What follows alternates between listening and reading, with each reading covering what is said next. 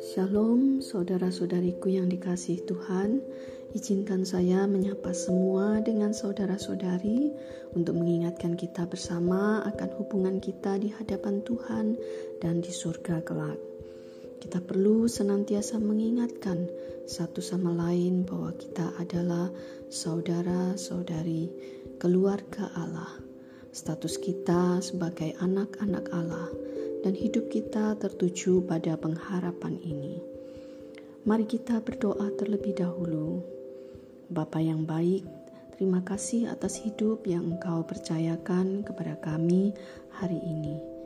Kami menyiapkan hati kami untuk menerima firman-Mu. Bukalah telinga kami dan pikiran kami. Berbicaralah kepada kami. Dalam nama Tuhan Yesus, amin. Perenungan pagi ini diambil dari Esther pasal 10. Kita baca terlebih dahulu. Maka Raja Ahasveros mengenakan upeti atas negeri dan daerah-daerah pesisir juga. Segala perbuatannya yang hebat serta gagah dan pemberitaan yang seksama tentang kebesaran yang dikaruniakan raja kepada Mordekai. Bukankah semuanya itu tertulis di dalam kitab sejarah raja-raja Media dan Persia? Karena Mordekai orang Yahudi itu menjadi orang kedua di bawah Raja Ahasveros dan ia dihormati oleh orang Yahudi serta disukai oleh banyak sanak saudarinya sebab ia mengikhtiarkan yang baik bagi bangsanya dan berbicara untuk keselamatan bagi semua orang sebangsanya.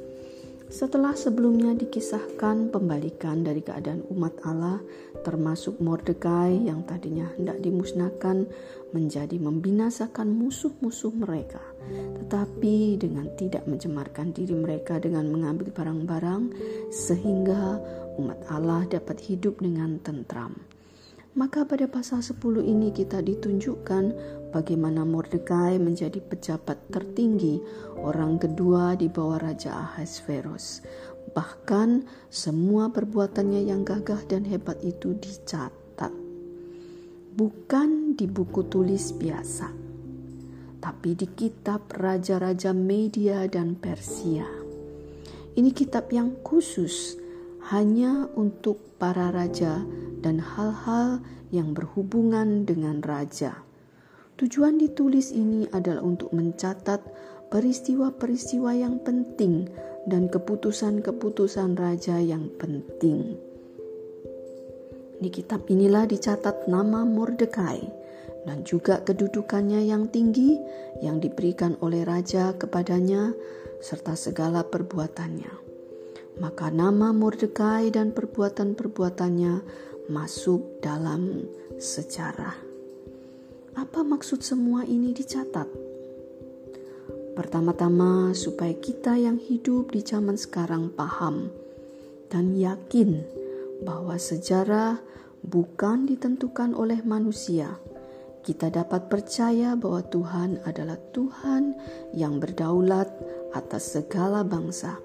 Ia bukan Tuhan atas bangsa Yahudi saja ia memerintah atas segala bangsa.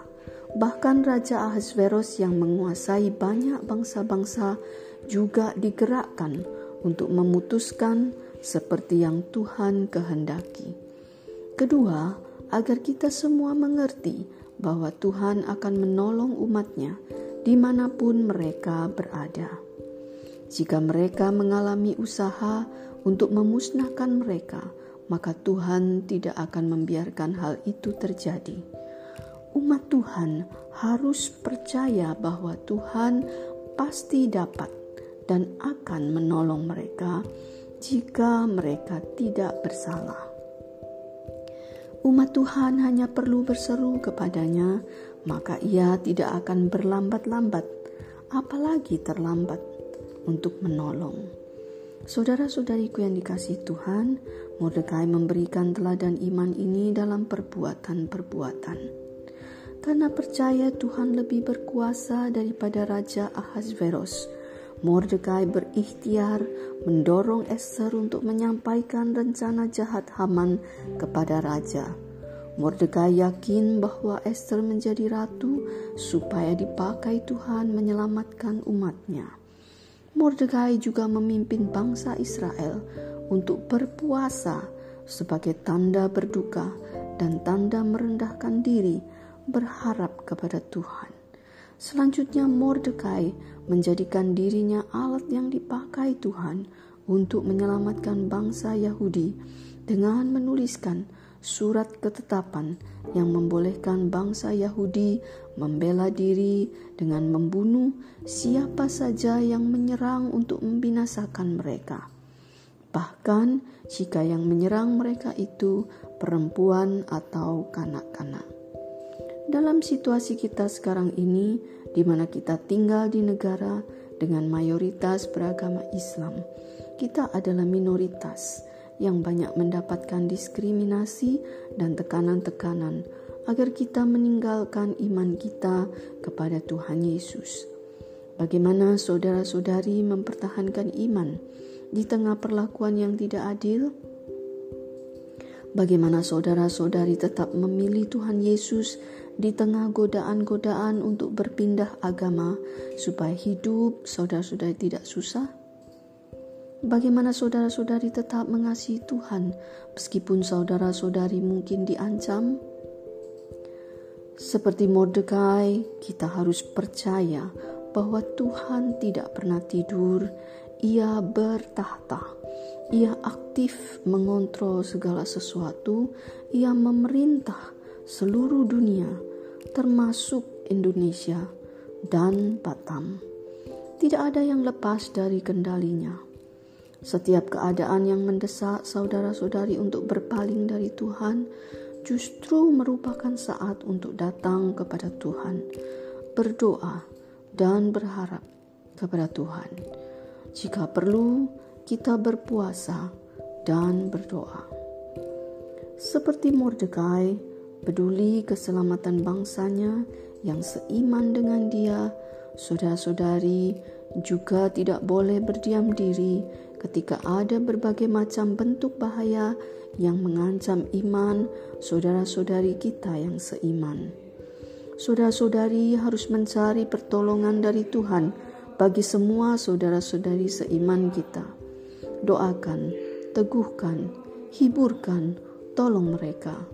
Tuhan pasti menolong saudara ketika saudara hendak menolong saudara seiman kita agar tidak gugur imannya.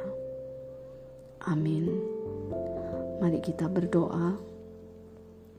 Tuhan, tolonglah kami mengingat Engkau yang siap sedia menolong ketika kami dicobai, digoda, dibujuk, didesak, ataupun diancam untuk meninggalkan iman dan kasih kami kepadamu.